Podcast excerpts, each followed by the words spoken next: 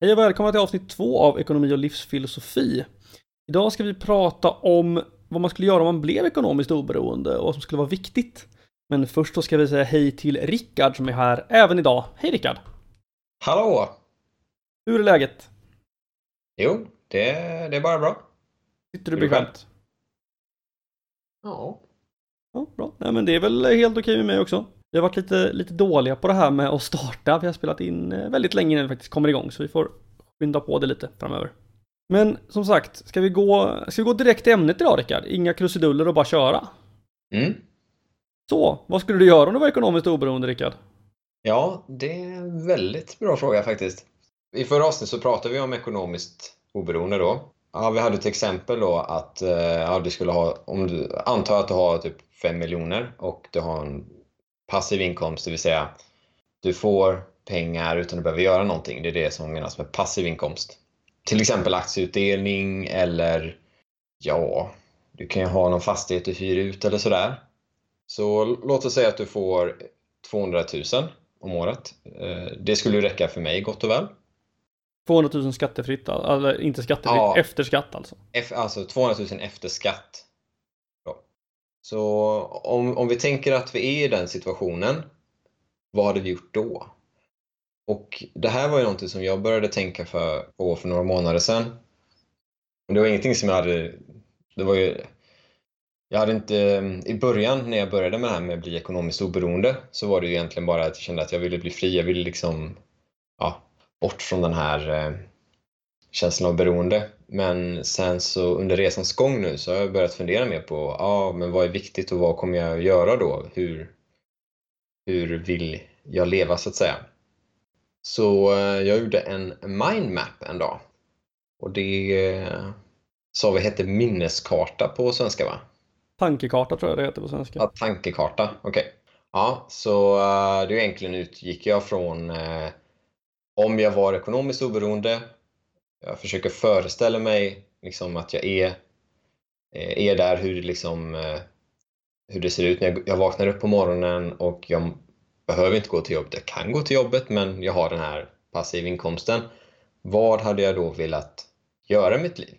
Precis, och du, eh, vi har ju din sån mindmap här, eller vi, jag sitter och tittar på den just nu. Och den har ju tre, tre delar.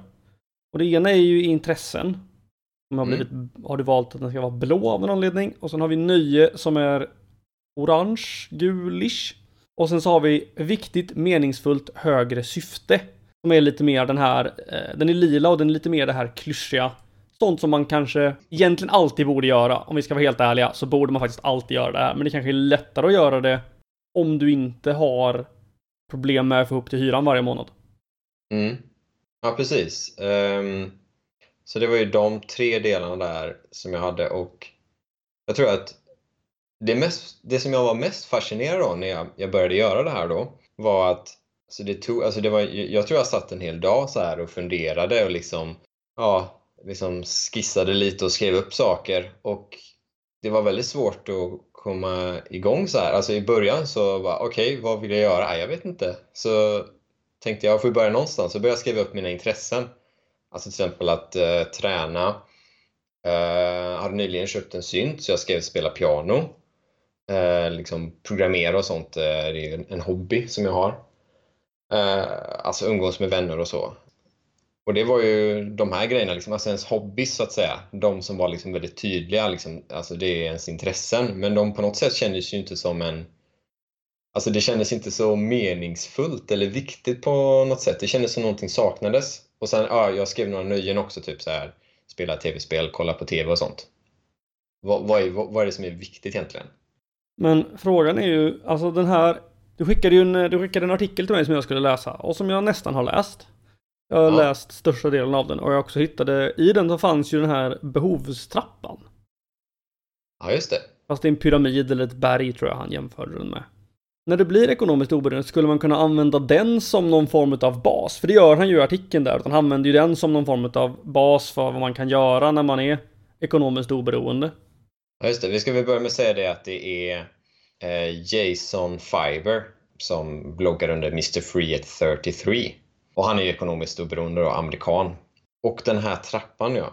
Använder du den som bas för det här? För att jag insåg det precis nu att när jag tittar på den så är den ju lite jag tror till och med att du har liknande färg mot vad han hade i artikeln. Men den är ju lite, du har ju bara tre delar då och eh, den har väl fem tror jag. Men, men fortfarande så är det ju så att du har ju Du har ju liksom tagit bort de här basdelarna för de är liksom redan klara. Men de delarna du har kvar det är de här de tre översta översta stegen hos Maslow. Ja, det är ju faktiskt en bra, alltså, en bra reflektion. Jag tänkte inte på den när jag gjorde, utan jag läste den här artikeln och sen så var det här liksom, tänkte inte på, kanske undermedvetet då, men det är intressant här för att det här är ju, eh, ja, Jason Fibers artikel handlar ju lite om att alltså, jag sparar inte pengar för att ha pengar utan det är för att jag ska kunna vara fri så att jag kan göra det som, alltså fylla mina behov och då så nämner han ju den här Maslows eh, pyramid då, eller den här hierarkin av behov. Och eh, precis, det är ju intressant som du säger att jag har ju typ tagit de tre översta. Alltså, vi kan ju gå igenom här då egentligen. Den första är ju kallas för psychological då och det är liksom att du har eh, mat, vatten, sex, ja du kan andas, ja sömn liksom. De här, alltså alla människor, det här är ju verkligen grundläggande. Och sen att man känner sig trygg då i nästa hälsa och familj och så. Och sen så vänskap, familj och precis de tre där då, de har jag liksom lite antagit här va, eh, kan man ju säga. Alltså jag har ju antagit att jag eh, har mat och vatten och jag känner mig trygg. Och sen Men den vi- vänskap eh, och familj där, den är ju den är ju med på din. Den står ju i och för Ja. sig som en liten subdel till den blåa, så att den har inte fått så mycket fokus. Nej, men men alltså, den jag är ju- fortfarande med. Jag har ju freestylat liksom, så jag bara tänkte så här om jag var och så liksom, så jag har ju, det har jag ju inte gjort efter den här då, men det är ju... Nej, nej, men jag menar mer att den, den står ju med på din lista, så jag sa att de tre översta står med, och det gör de ju också. Att även den Ja. Love Belonging, som, som den heter här då i, i artikeln, den är med även hos dig. Precis, och sen så kommer den till självförtroende och sen liksom self-actualization, vad är det? Alltså att man själv... eh, Man Självförverkligande. förverkliga- Just det, förverkliga sig själv.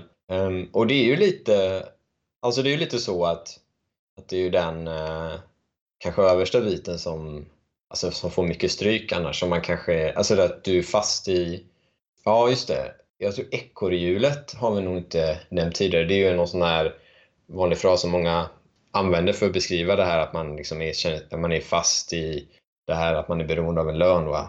Att man liksom bara springer i det här hjulet.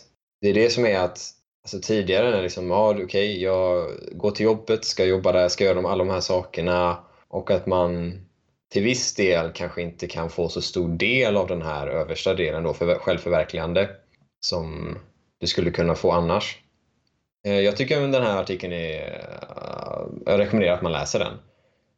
Den kommer sitta som länk i, i våra i anteckningar till episoden också, artikeln där, så kan man läsa själv om, om vad, vad han säger här. Men, men som sagt, det är ju det som är det viktiga om du ska bli ekonomiskt oberoende. Vilka av de här grejerna i din tankekarta, om vi ska använda det svenska uttrycket, är det du inte gör nu?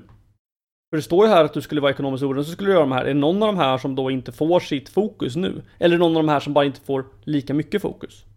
Ja, så är det ju. Ehm, alltså, jag har ju inte jättebra... Eh, jag, skulle, man skulle ju kunna mäta liksom, kolla lite så här, ja, uppskatta kanske eller skriva ner lite på en dag ungefär vad man tycker att man lägger tid på. Men jag skulle ju säga att det är ju eh, framförallt den här vik- alltså saker som är viktiga, som har meningsfulla, att det ofta är de sakerna som inte får så mycket uppmärksamhet. Sen så är det lite naturligt. Jag tror att jag ska ju säga det, om det är någon som är, mitt råd här, om det är någon som är utbränd som jag, eller nära liksom, så tror jag det är viktigt att alltså när du gör den här så kan du bli, du kan bli lite stressad av att göra en sån här kanske. Jag blev inte det, eh, som tur är, men det kan ju bli att du känner att oj, jag måste göra alla de här grejerna.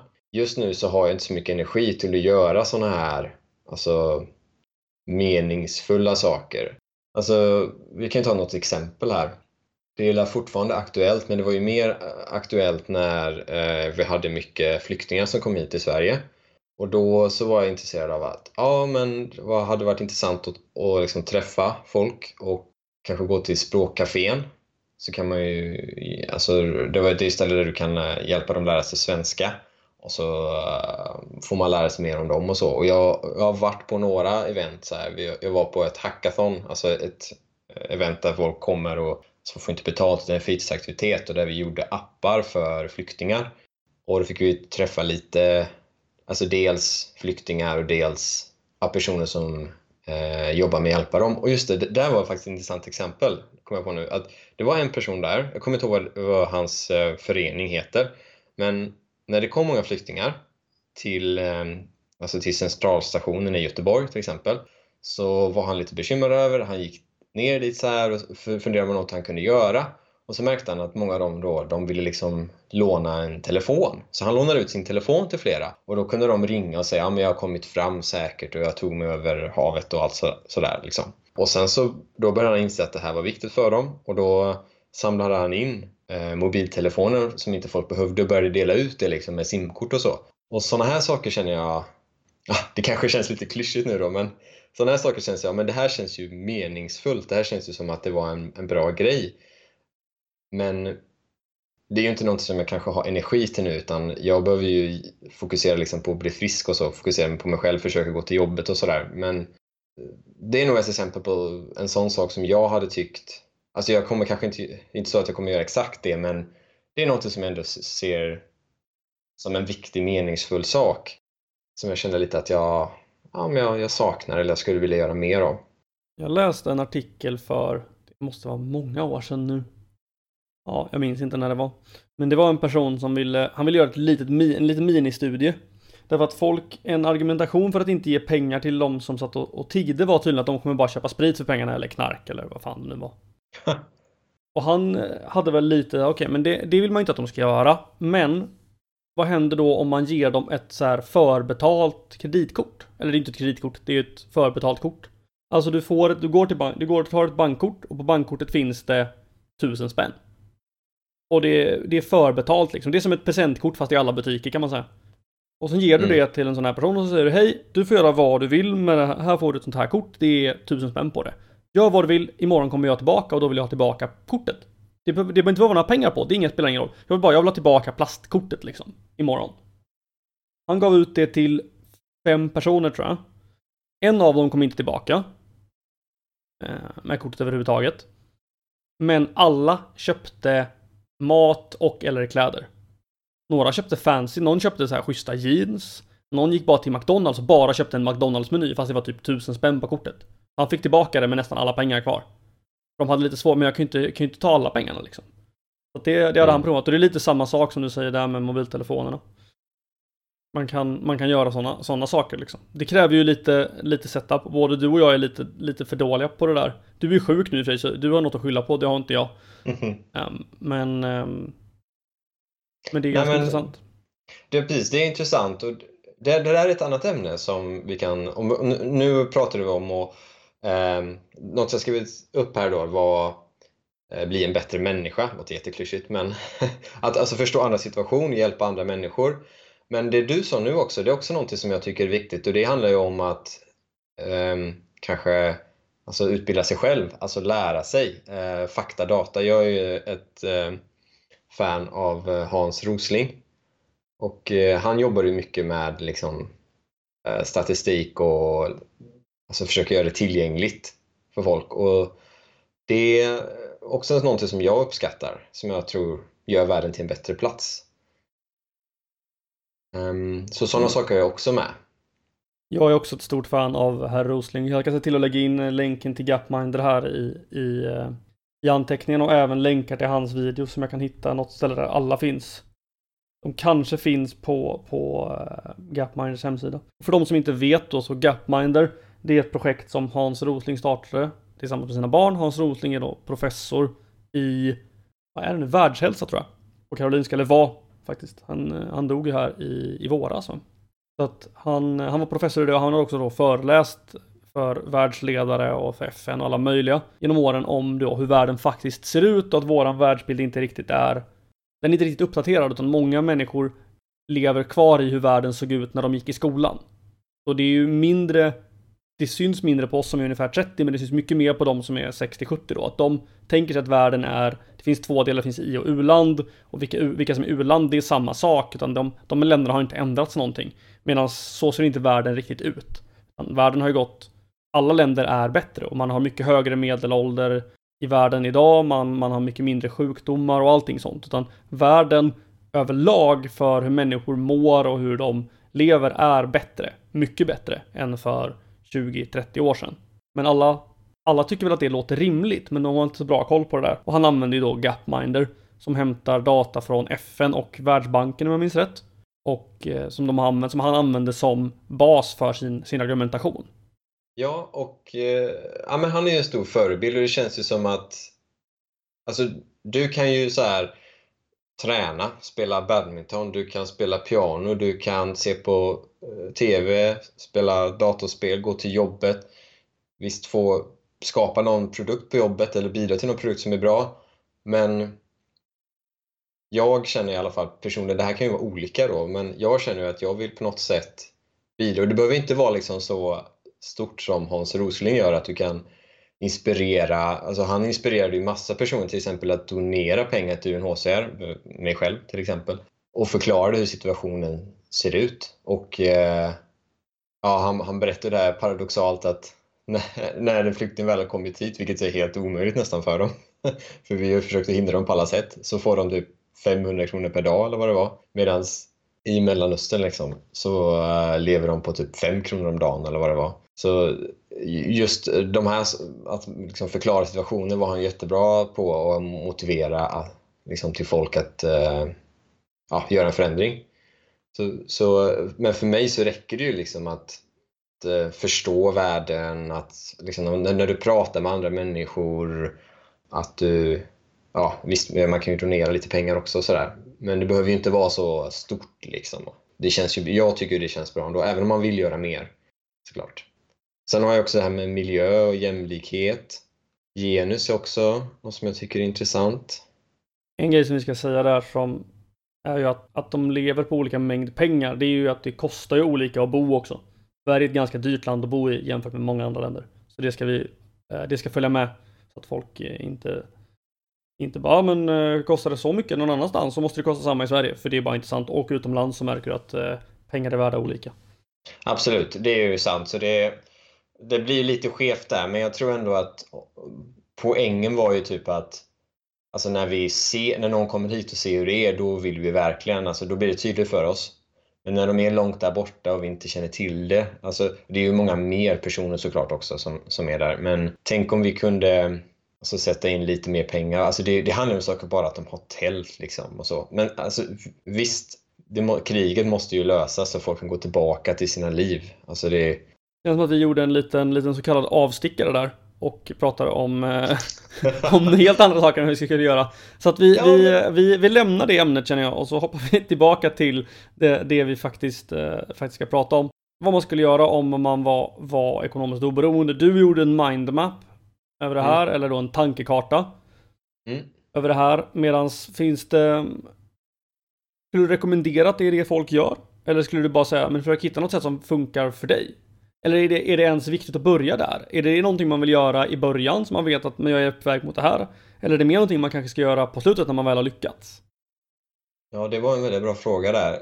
Ehm, alltså, jag gick igenom en viss process. Alltså, och, och den är ju inte den som är mest optimal, så jag vet inte riktigt hur, hur liksom, vad som är bäst för andra. Men jag tror att för mig var det alltså, att fundera på just, ja men okej, okay, jag är inte om jag, om jag inte var beroende av den här lönen, vad skulle jag göra då i livet? Och, och att bara fundera, alltså jag tror det, det, det viktiga här är att du funderar Alltså, det blir lätt att man blir fast i en box. Liksom. Du går till jobbet varje dag, du gör alla saker, du hinner inte med de här grejerna och det blir lätt att man inte reflekterar. Så om man bara liksom tar en, en dag, liksom, tar det tyst och lugnt och skönt och funderar lite, eller man kan dela upp det, liksom, men det viktiga är ju att ge dig tid att fundera på vad du vill.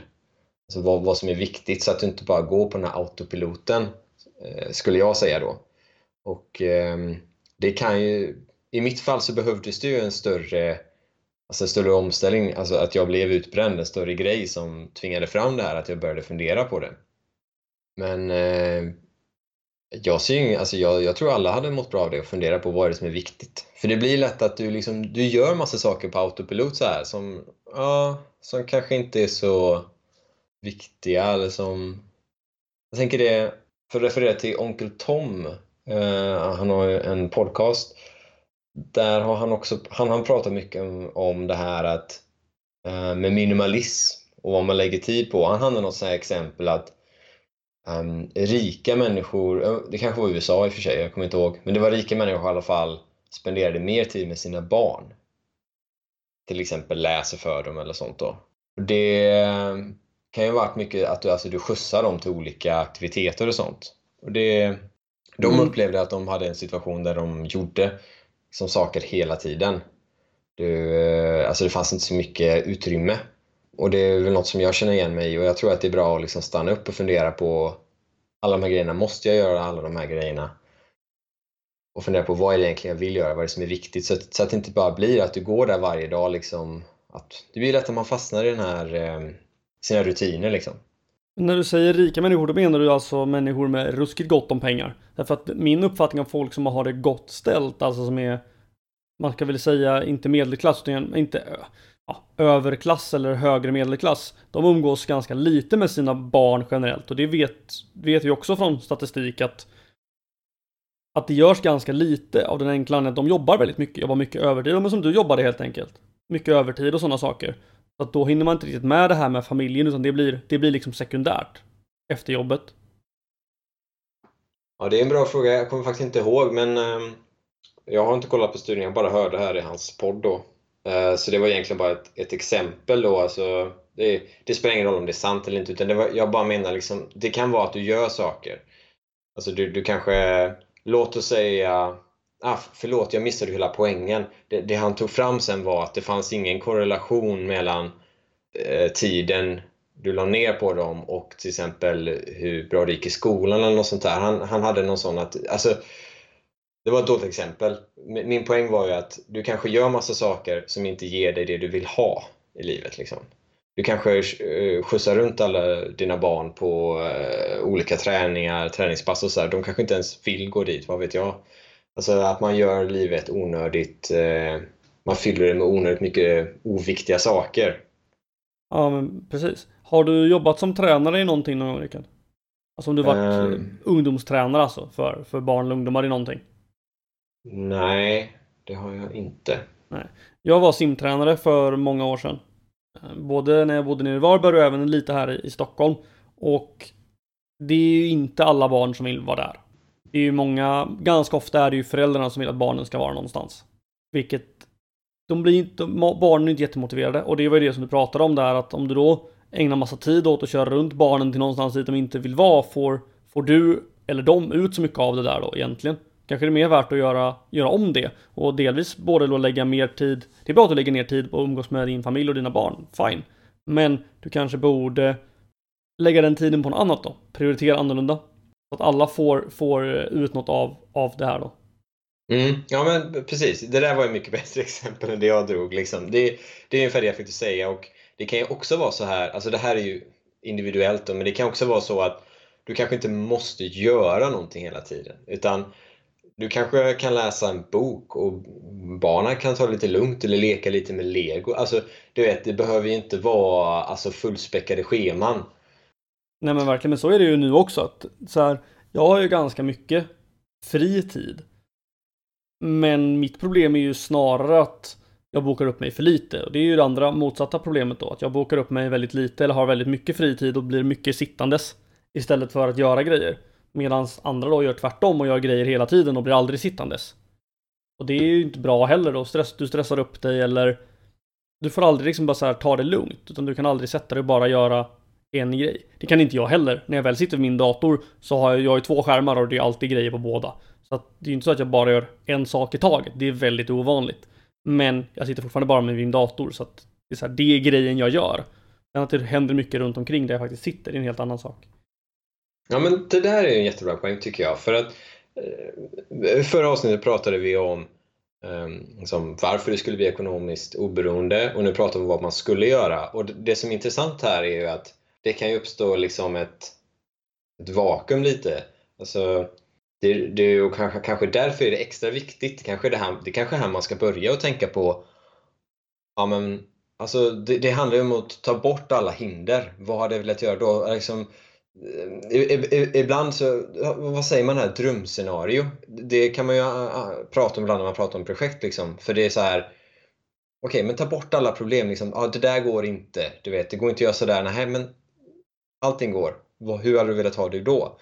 Det kan vara ganska intressant att kunna utgå lite från den modellen och här tror jag det kan vara så att alltså, när vissa så här tänker ja, ekonomiskt oberoende, jag behöver inte göra någonting oj då, men vad, vad ska jag göra då? Jag kommer bli jätteslapp.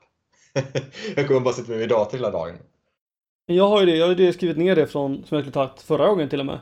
Men eh, jag skrev ner det på papper här, men det, det kom aldrig upp sist. Om du har den här inkomsten som du, som den bara ligger liksom i bakgrunden som vi pratade om sist, skulle du gå till jobbet? Ja, kanske inte. Du kanske försöker hitta någonting viktigare eller vettigare att göra som du tycker är roligare. Men skulle du verkligen göra det? Alltså, risken är ju som sagt att du blir sittandes. Du, skulle, du kommer mm. antagligen bli uttråkad sittandes, så när du väl har börjat bli uttråkad så blir det lättare att du bara så här, nej jag orkar inte. Fast jag kanske borde, men jag orkar inte. Och sen så hamnar du i den där spiralen och sen så sitter du bara hemma liksom. Sen kan det bli, som vi pratade om sist också, ekonomiskt oberoende på olika nivåer. Du kan vara ekonomiskt oberoende så att du klarar dig varje månad. Eller du kan vara ekonomiskt oberoende så att du kan köpa ett litet land. köpa ett litet land, ja, det var bra. Ja, men precis. Det, det där är ju jätteintressant för att jag tror det är väldigt olika. Och jag som person är ju väldigt självgående, alltid massa projekt. Eh, ja, nu är det ju lite speciellt när jag är utbränd för då måste jag jobba på att liksom, försöka göra så lite som möjligt. Och jag orkar inte så mycket men ja, du känner ju mig, du vet ju att jag startade företag eh, när jag var ung och sådär och hade alltid för mig liksom massa sådana grejer. Och jag tror att Vissa kanske, alltså vissa kan nog ha det problemet att ja, när du vet när du kanske blir arbetslös och någonting händer, att det blir väldigt tomt, att du liksom inte vet vad du ska göra. Jag har ju inte det problemet personligen. Men eh, jag tror att det är alltså, Men till exempel, du är en bra kontrast här nu då, för det känns lite mer, jag vet inte riktigt om jag förstod det rätt, men det känns lite som att du kanske skulle ha det, alltså inte jätteproblem, men du kanske har det mer som ett problem än vad jag har. Att vad då? Ja, att, att okej, okay, men låt oss säga att du är... Alltså, svar, du ställer en fråga till mig. Svaret på den då är att jag, jag hade gjort saker. Nu är jag utbränd så det är lite speciellt då, men generellt sett så hade jag liksom kommit igång och gjort saker. Men frågan är, hade du gjort det? Det tror jag inte. Alltså, jag har haft semester nu i... Jag har haft semester i snart två veckor. Ja, snart två veckor. Och jag har inte gjort så mycket. Nu ska jag komma iväg på grejer här nu från och med imorgon i och för sig, men men det är ju mer, det är lika mycket andras förtjänst att det råkade bli så att det blir mer än bara liksom två dagar. Så att jag har ganska svårt att komma igång. Jag har svårt att komma igång. Jag kan verkligen mm. göra grejer. Jag har svårare att komma igång nu än vad jag hade förut också. Men jag kan göra grejer, det är inga konstigheter så. så här, men säg att du och jag, vi ska, nu ska vi göra det här och vi ska ut och vi ska bära ben. Ja men då går vi ut och så gör vi det här och så då är jag extremt effektiv. Men jag behöver den här den här pushen. Jag orkar inte alltid dra heller. Jag kan vara den som drar. Om det är så att du och jag ska göra någonting. Och jag vet att det är jag som måste dra mer. Jag kan vara den som drar. Men man orkar inte dra hela tiden. Så att om jag till mm. exempel bor, man borde börja träna och det har man väl sagt, jag vet inte hur många gånger. Och jag har börjat att träna väldigt många gånger. Men jag håller inte det mer än ett, kanske två, tre veckor. Och så har jag mina pass och jag menar, jag tränar hemma. Jag har inga bortförklaringar. Det finns ingenting att skylla på. Det enda jag behöver göra är att ställa mig upp. Byta, jag har träningskläderna i, i badrummet. Det är, vad kan det vara? Fem meter. Ta på sig dem liksom, eller behöver inte ens ha träningskläder på sig, kanske inte jeans, men så här någonting annat. Och sen bara köra mitt pass, det tar mellan 30 och 60 minuter. Duscha, käka och vila liksom, men det, det händer inte. Så att jag är väldigt, väldigt bra på att inte komma igång. Om jag inte har någon sån här tydlig motivering. Eller om det är något som inte rör bara mig. Alltså säg att det finns ett projekt eller någonting på jobbet eller någonting sånt där. Då är jag jättebra på att dra i det. För då är det inte bara jag som, som drabbas av att jag inte gör, mitt, gör det jag ska så att säga. Då är, det, då är det andra. Då kan jag dra. Men om det bara är jag, alltså jag ska träna för min skull. Nej, det är inte jätteroligt att träna. Jag går alltid och spelar laser däremot, för det är jätteroligt. Så att jag kommer alltid iväg till, till, till lasern. Och undrar vad det är jag menar med laser, så är det att jag spelar Laserdome en gång i veckan. Jag kommer vara bättre än dig generellt sett. Om du inte har spelat. ja, just det. Och ska vi förklara det att man, du tar på dig någon väst och så har du något vapen som skjuter eh, ljus. Skjuter laser. Ja, skjuter laser då på någon annans väst till exempel då, så träffar man dem. Precis, Och vi, men vi har, man, det, finns lite, det finns lite olika poäng och det finns olika typer av spel och sådana grejer. Men, men, det, men det är min, Mm. det är den hobbyn jag gör, det gör jag varje söndag. När jag inte jobbar Mm. på söndagar. Men, Ja, men det är så här, rutiner. Alltså rutiner hjälper. Om man har gjort någonting länge, då är det ju lättare att uppehålla det liksom. Precis, men det är också väldigt roligt och det är massa andra människor där och sådär. Medan ställa sig hemma och göra mina övningar, eller träningsövningar eller mina stretchövningar, det är ganska tråkigt. Det är ganska tråkigt faktiskt. Jag försökte börja ta promenader, samma sak där. Gick några dagar, sen var det i och för sig fruktansvärt dåligt väder. Och jag skulle inte gå, gå ut och trötta ut mig när jag skulle spela laser då, men men samma sak där, man borde liksom göra de här grejerna och jag har jättesvårt att komma iväg om det bara är jag. Skulle jag däremot säga att du och jag skulle börja med någon tävling eller du och jag skulle ha någonting att nej men vi nu det är att du och jag hörs och så som vi gör nu och så bara men nu idag när vi har kläckt på då ska vi båda gå och ta en promenad. Då skulle jag göra det. Men då, då måste jag ha den pushen och jag har inte den lokalt i Stockholm. Men då skulle det vara någon annan någon annanstans som måste säga åt mig. Och den kan inte bara säga åt mig utan den måste också lite vara med på det. Utan om du skickar ett sms bara gå ut och gå så kommer jag bara säga eh. Är ju ja, men det här... Ja, förlåt. Nej men det är också, det är ju det, det är där jag sitter istället jämfört med dig då som har massa grejer och blev utbränd på grund av det. Jag har inte blivit utbränd, jag var bara, eh, bara, bara varit nära när jag höll på med mitt examensarbete på KTH. Utan, eh, men det klarade sig för vi vart, klar, vi vart klara innan det gick åt skogen liksom. Så att jag klarade Mm. mig av den anledningen. Ja, men det, det är ju väldigt intressant. eh, För att ja, jag har ju varit väldigt eh, drivande så och till exempel det här med träning. Så ja, de senaste tre åren så har jag tränat eh, kanske i snitt fyra gånger i veckan faktiskt till och med, så här 30 minuter. Jag har visst program och sådär. Så um, det, det går ju upp och ner för mig såklart också. Men det är ju intressant det här just att jag har haft hur mycket grejer som helst att göra och då blivit utbränd och kom, kommer fram till att ja, men jag vill ju bli ekonomiskt oberoende. Medan du inte ja, kanske skulle må så bra av det. Alltså, det, jag- det, jag tycker man, det jag inte vill man ska dra slutsats av det här, och som jag tycker i alla fall, det är att Alltså det här är ju ett problem det vi pratar om nu. Att du kanske, oj, jag blev ekonomiskt oberoende och jag mår dåligt av det. Men jag tycker inte riktigt att det ska vara avskräckande. Jag tycker att det är ett problem som man borde lösa då. Men eh, visst, det är ju det är bra att vara medveten om det här. Precis, men sen vet man ju inte så här, man har ju alltid den här idén att tänk om jag skulle vinna 100 miljoner på Lotto. Vad skulle hända då? Skulle det ändra någonting? Och det kanske det skulle. Man, då, då skulle man ju kunna tvinga sig att göra massa grejer. Eller också det här att man blir ekonomiskt oberoende med det du har tänkt. Att man då har det här backupen, att man du känner att du inte behöver bry dig om den delen. Den delen har liksom bara försvunnit. Det kanske är någonting sånt som bara ligger där bak som inte jag vet om. Utan då bara, ja, men bra, då går jag ut och gör min grej liksom. För att det är en bra dag. Jag behöver inte tänka på så mycket annat utan jag kan gå ut och ta min promenad eller jag kan Jag vet inte vad jag skulle göra mer. Träna, plocka blommor, vad som helst liksom. Jo, men precis. Och det, jag bara försöker formulera det här, det, det- komma till eh, det intressanta här liksom. Eh, vad säger man? Pudelns kärna. Och det är ju att jag vill ju inte ha den här känslan att jag måste gå till jobbet.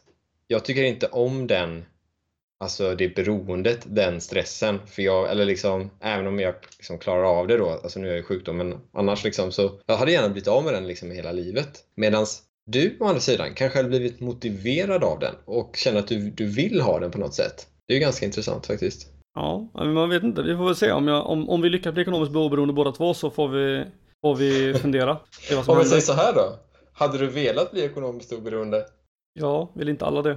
Jo men okej, tänk om du imorgon så hade du typ så här, ja, 10 miljoner och 300 000 i eh, sån här passiv inkomst från aktieutdelningar eh, efter skatt om året. Och eh, är du inte orolig nu att du hade liksom blivit alldeles deprimerad och inte gått till jobbet? För du, du hade inte haft motivationen att gå till jobbet så du hade bara skitit i allting. Nej, inte det minsta. Beställt pizza hem. Nope, inte det minsta. Nej, okej. Så det är ändå, för, för okej, men det är ändå lite så att det finns ju något, något Men det finns en risk. Alltså det finns ju Ja. definitivt en risk att jag skulle bli så. Men jag är inte orolig för det.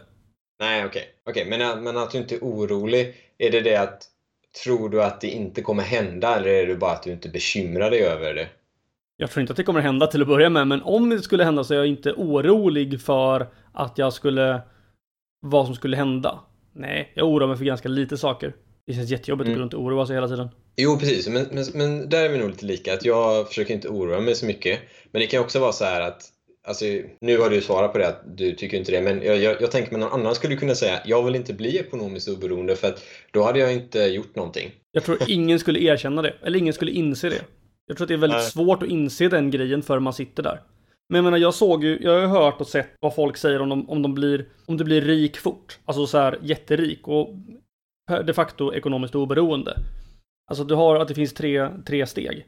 Det första steget, det är du köper alla de här dumma grejerna du vill ha. Alltså nu säger vi du vinner de här 100 miljonerna. Du köper Ferrari till exempel. Det är väl det mest klassiska. En röd Ferrari. Och så gör du de grejerna. Sen har du steg nummer två.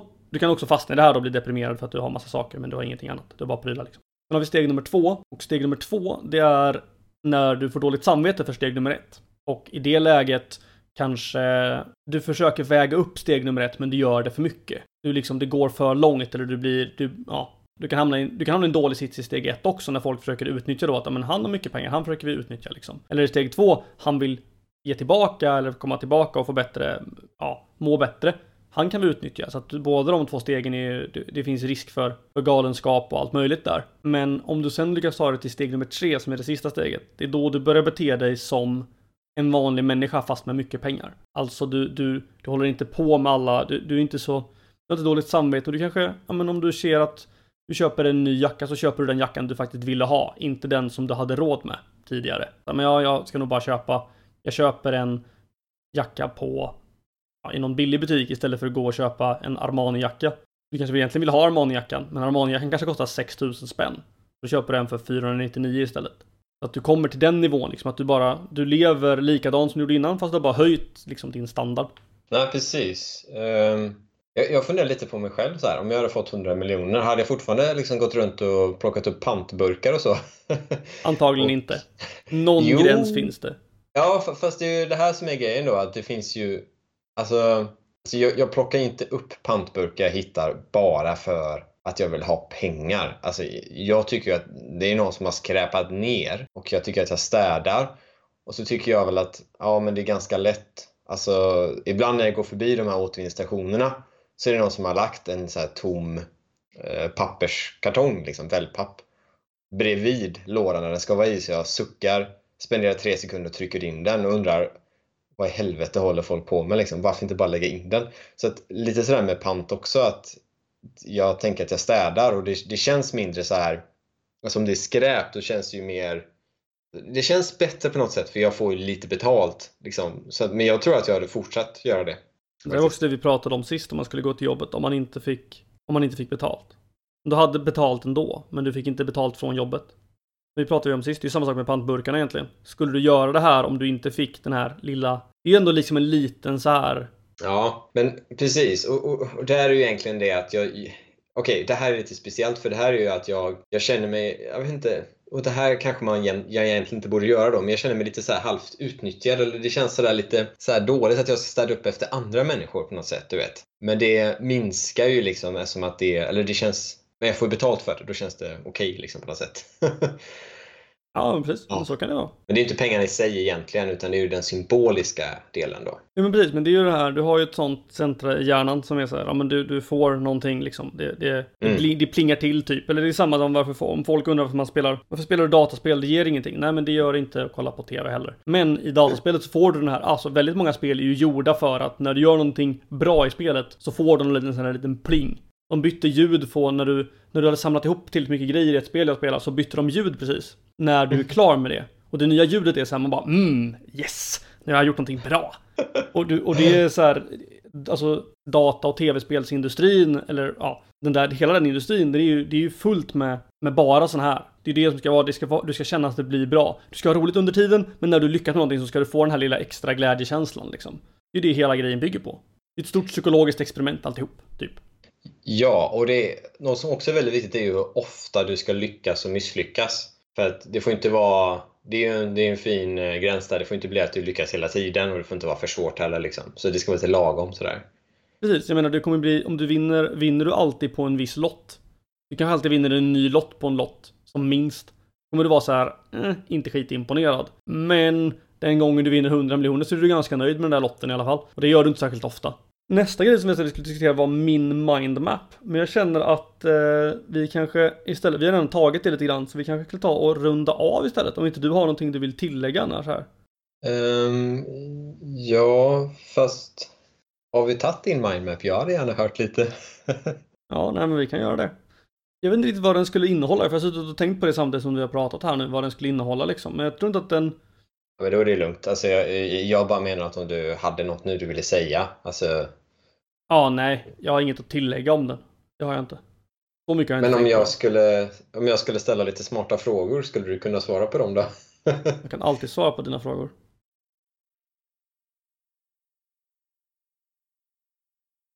Men det Om- kommer inga smarta frågor här nu så att jag menar det är ju... Okej, men om vi säger så här. Om du hade 10 miljoner 300 000, vad skulle vara viktigt för dig? större bostad. Varför då? Jag tycker att jag bor för litet. Trevligare kök. Jag gillar, inte, jag gillar inte riktigt mitt kök. Mm. Ja, nej, det var nog det.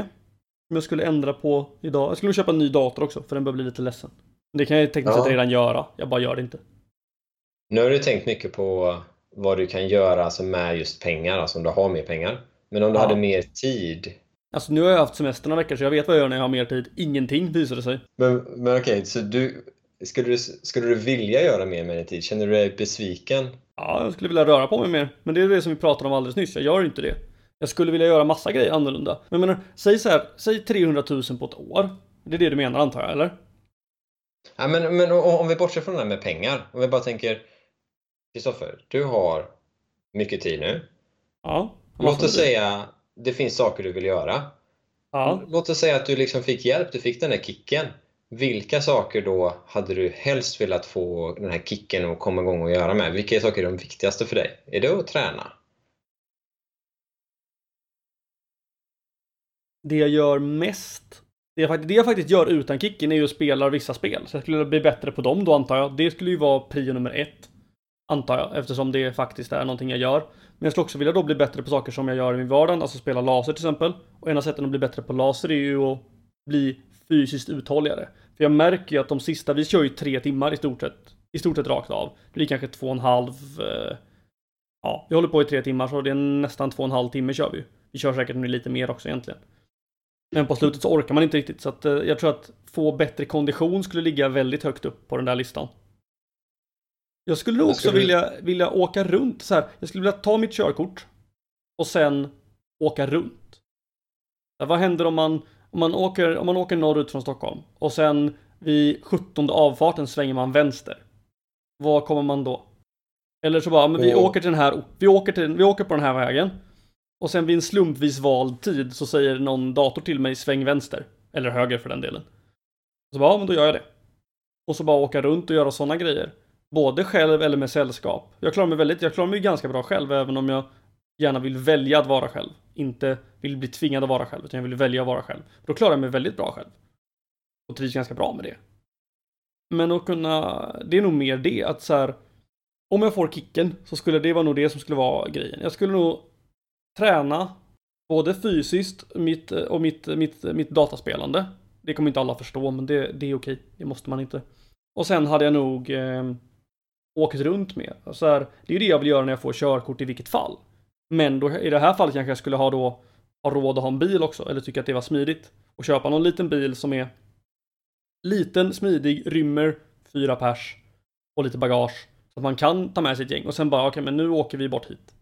Eller jag åker runt i Stockholm, eller jag åker till Varberg, eller jag åker till Kiruna. Det spelar ingen stor roll, jag kanske åker till Danmark. Alltså, ja, men jag har tid, nu, nu drar jag hit bort. För det verkar lustigt här borta. Sådana grejer liksom, och bara, bara hänga. Jag förstår. Och eh, alltså upptäcka. Eh, det är ju som liksom ett äventyr lite och bara Alltså du behöver inte ens ha bokat eh, alltså, hotellrum eller någonting utan du kan ju bara ta bilen helt plötsligt en dag, dra iväg norrut och se var du hamnar. Du behöver inte ens ha en karta liksom, du kan bara följa lite skyltar. Precis, man vill nog ha kartan, man vill nog ha lite backuper. För att jag är sån som Ja. planerar. Lite backuper vill man ha, men det är inte det. Men de har man som backup, som du sa där. Det är inte det du följer. Mm. Jag kom på en grej till som jag jättegärna skulle vilja göra, men den är dyr. Den kostar, den kostar pengar. Och det är... Ja. Har du sett Top Gear? Någon? Eh, är det det när de testar bilar eller? Det, det är en av sakerna som händer, ja. Så jag tittar lite på TV men jag tror jag har sett något avsnitt när de typ kör runt i olika bilar. Mm. Jag rekommenderar ju vissa, vissa specifika avsnitt att titta på liksom, för vissa är bättre än andra. Men några av de grejerna de gör där skulle jag vilja göra. Till exempel prova rallycross gör de. De hävdar att det är billigare än golf till exempel. Och det kan det kanske vara. Men också det här till exempel att så här, ja, men, säg att jag och du och någon eller några av våra gemensamma kompisar. Vi, någon av oss har pengar. Vem spelar ingen roll. Vi åker och köper varsin bil begagnad med någon form av kriterium och sen ska vi försöka ta oss någonstans. Eller sen ska man göra några speciella utmaningar, typ som de gör i Top Gear. Fast göra det privat. Jag misstänker att du måste ha lite support truck och lite sådana grejer runt omkring, men lite beroende på var du är. Men är du i Afrika som de gör, åker runt ute i vildmarken liksom, då måste du ha lite support. Men om du åker runt in i, in i Sverige, eller i England, så här, men du köper en bil som du får köra med på vägen, men den kanske inte är så här jättebra egentligen. Och sen ska du transportera dig från, från eh, Kungälv till eh, Stenungsund. Och från Stenungsund ska du någon annanstans. I Stenungsund så händer det något speciellt som du måste göra liksom. Eller du ska åka dit och ja, vad kostar bilen att få bli bra och sådana grejer. Så bara hålla på med sådana grejer, det verkar fruktansvärt lustigt. Men det är inte gratis. Det är en dyr hobby. Mm, nej, men det är intressant. Jag tänker tillbaka nu lite på när jag själv gjorde en mindmap och jag gjorde ungefär som du, att jag, de saker som jag kom på först, det var liksom saker som mycket så roliga saker. Eh, jag måste säga att du har betydligt mer intressanta idéer än vad jag hade. um, och sen så tog det ett tag och så kom jag på mer grejer. Men det jag funderar på där är det här med upptäcka. Vad, jag är lite nyfiken på när du... Vad är det liksom som du... Varför? Vad är det som är så lockande med att bara dra norrut till exempel med en bil och ja, gärna några vänner då kanske? Är det liksom som ett... Eh, är det äventyrligt att se nya saker? Att vara spontan? Bara att jag kan. Alltså när jag, jag håller på att övningskör nu, jag har övningskört med en kompis och vi har åkt. Han brukar vara resledare. Och han planerar då var vi ska åka någonstans och så övningskör jag dit helt enkelt. Vi har kört ner till eh, Berg och kollat på deras, alltså slussarna där nere. Det är jätte, vad var det? Sju, åtta slussar på raken, nio kanske, jag kommer inte ihåg. Jättefräckt var det. Så åkte vi ner dit och så kollade vi där. Vi åkte till, någon annan helg åkte vi till Söderköping och åt glass. Det var så här, det var hela syftet. Vi åkte till Söderköping, åt glass, åkte hem igen. Hämtade upp en kompis på vägen och sådär. Så att sådana saker liksom.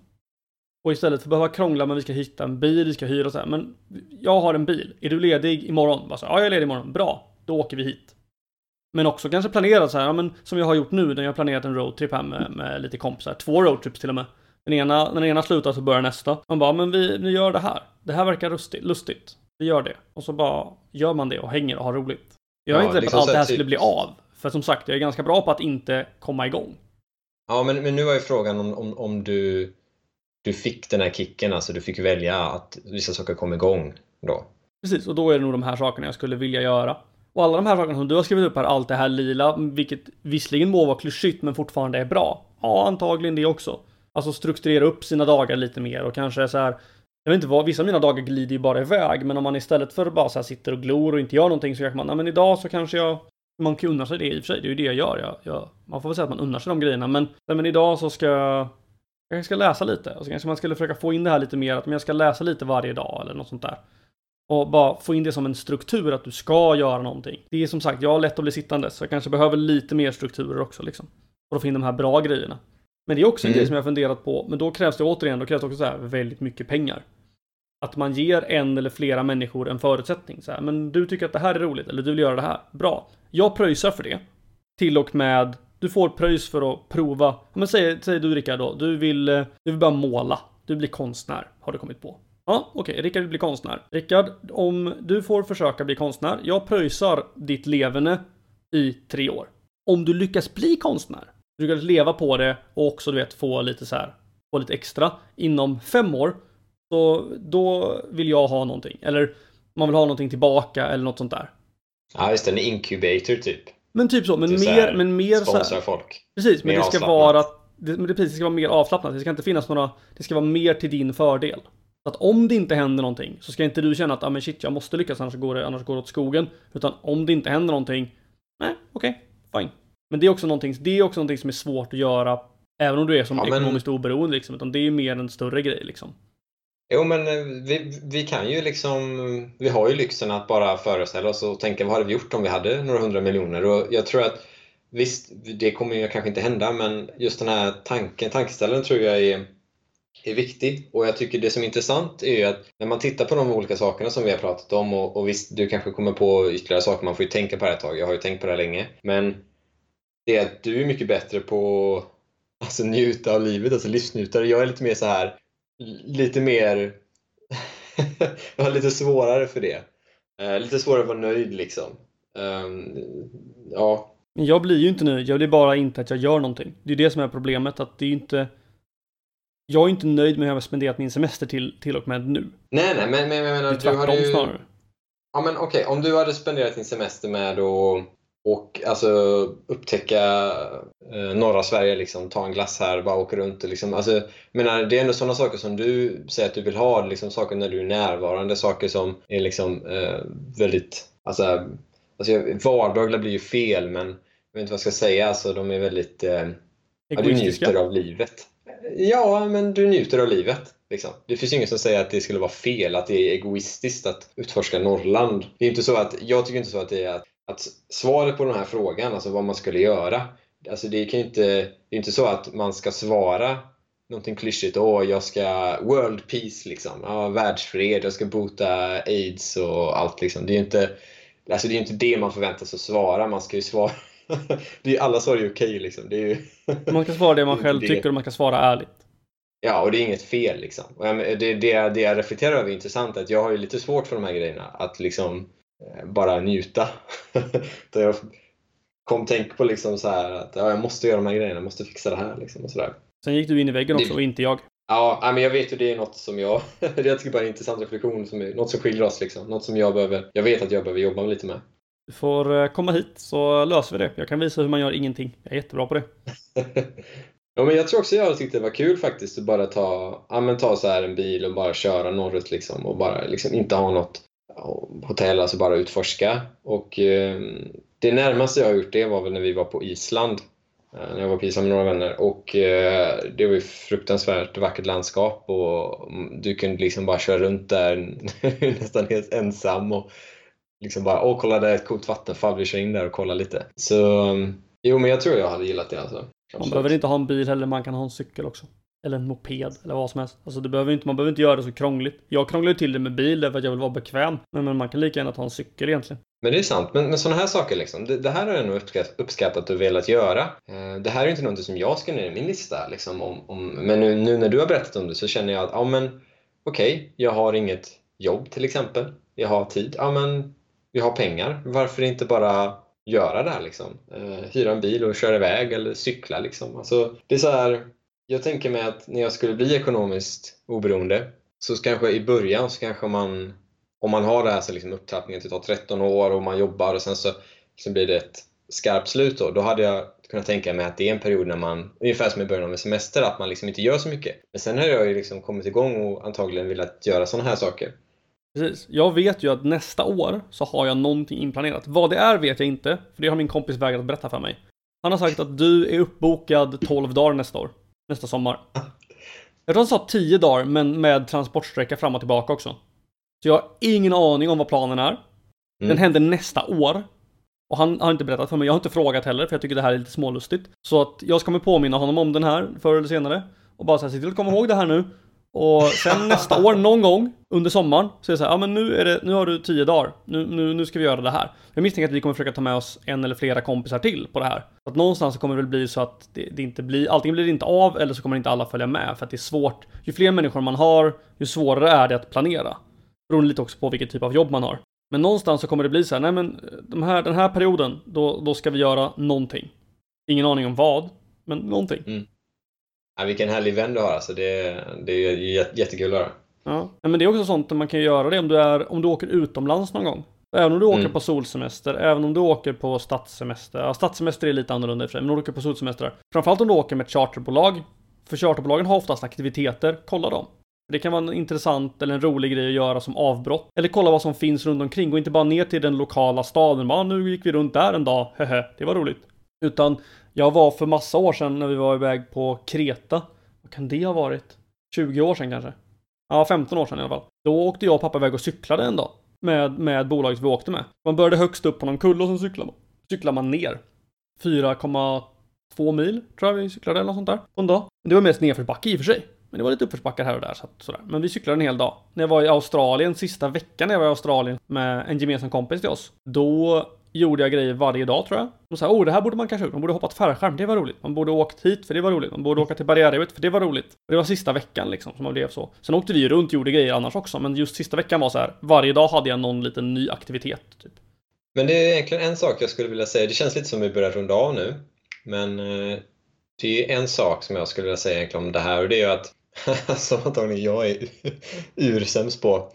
Eh, men det är ju att alltså, du behöver ju inte vänta tills du blir ekonomiskt oberoende eller du behöver inte vänta. Alltså, när du väl kommer på vad du vill göra, vad som är viktigt för dig så kan man ju börja göra det lite smått. Alltså, du visst, det kommer ju vara väldigt stor skillnad på om du har 40, 40 timmar extra i veckan. Liksom. Att du inte har det hängande över dig. Att du kan inte är bekymrad över den här presentationen på måndag. Liksom, eller sådär. Att, att man, eh, du kanske får väldigt mycket energi. För, för mig var liksom jobbet tog ju väldigt mycket energi också. Så det var ju det att på helg och sånt, eh, även om jag inte jobbade liksom, så kanske man inte orkade så mycket. Men låt oss säga att du löser den här energin då. Liksom. Man kan ju börja med det lite smått och göra sådana här saker även om man inte orkar göra lika mycket.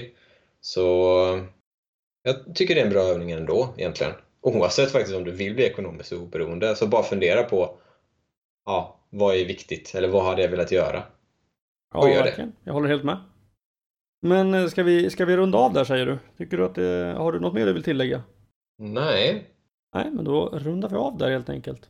Du kommer kunna följa den här podcasten som alltid laddar ner via Soundcloud, iTunes eller någon annanstans. Soundcloud kommer finnas en RSS-feed.